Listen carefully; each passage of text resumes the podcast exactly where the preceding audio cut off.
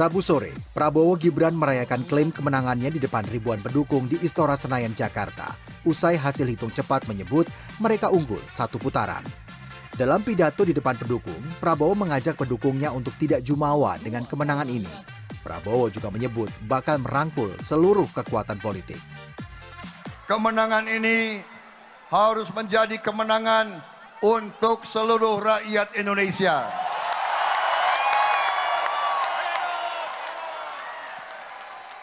Prabowo, Gibran, dan seluruh koalisi Indonesia Maju, kami akan merangkul semua unsur dan semua kekuatan. Kemenangan Prabowo Gibran sudah terlihat dari sejumlah wilayah di Pulau Jawa. Dari hasil hitung cepat, wilayah Jawa Tengah yang disebut-sebut menjadi kandang banteng atau kantong suara PD Perjuangan pendukung Ganjar Mahfud justru dimenangkan oleh Prabowo Gibran. Tidak hanya Jawa Tengah, Prabowo Gibran juga merobohkan kandang banteng di Jawa Timur. Contohnya di kota Surabaya, Kabupaten Kediri, Blitar, Banyuwangi, dan Batu yang menjadi lumbung suara bagi PDIP di Jawa Timur, dikuasai oleh paslon Prabowo Gibran. Jokowi efek dalam Pilpres 2024 memang terlihat sebelum pencoblosan berlangsung. Presiden itu boleh loh kampanye.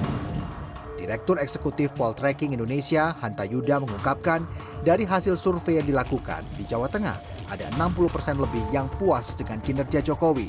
Suaranya beralih ke Prabowo Gibran.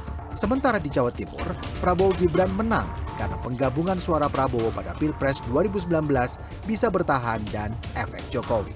Ada kombinasi banyak faktor NU dan sebagainya tadi seperti ya, Pak Ali Masuk katakan. Tapi kalau kita potretnya Pilpres, ini gabungan. Pak Prabowo juga tidak jelek-jelek amat lima tahun lalu di Jawa Timur. Pak Jokowi menang di Jawa Timur, ini faktor fusi kekuatan kedua-duanya. Rekonsiliasi mereka berada potret di Jawa Timur yang menang tebal, yang menyumbangkan suara nasional secara keseluruhan paling besar itu di Jawa Timur.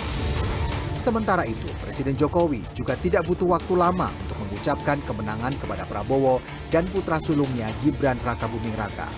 Hanya selang sehari setelah pencoblosan, yakni pada Kamis siang, Jokowi mengaku sudah bertemu dengan Prabowo pada Rabu malam dan telah mengucapkan selamat kepada putranya Gibran.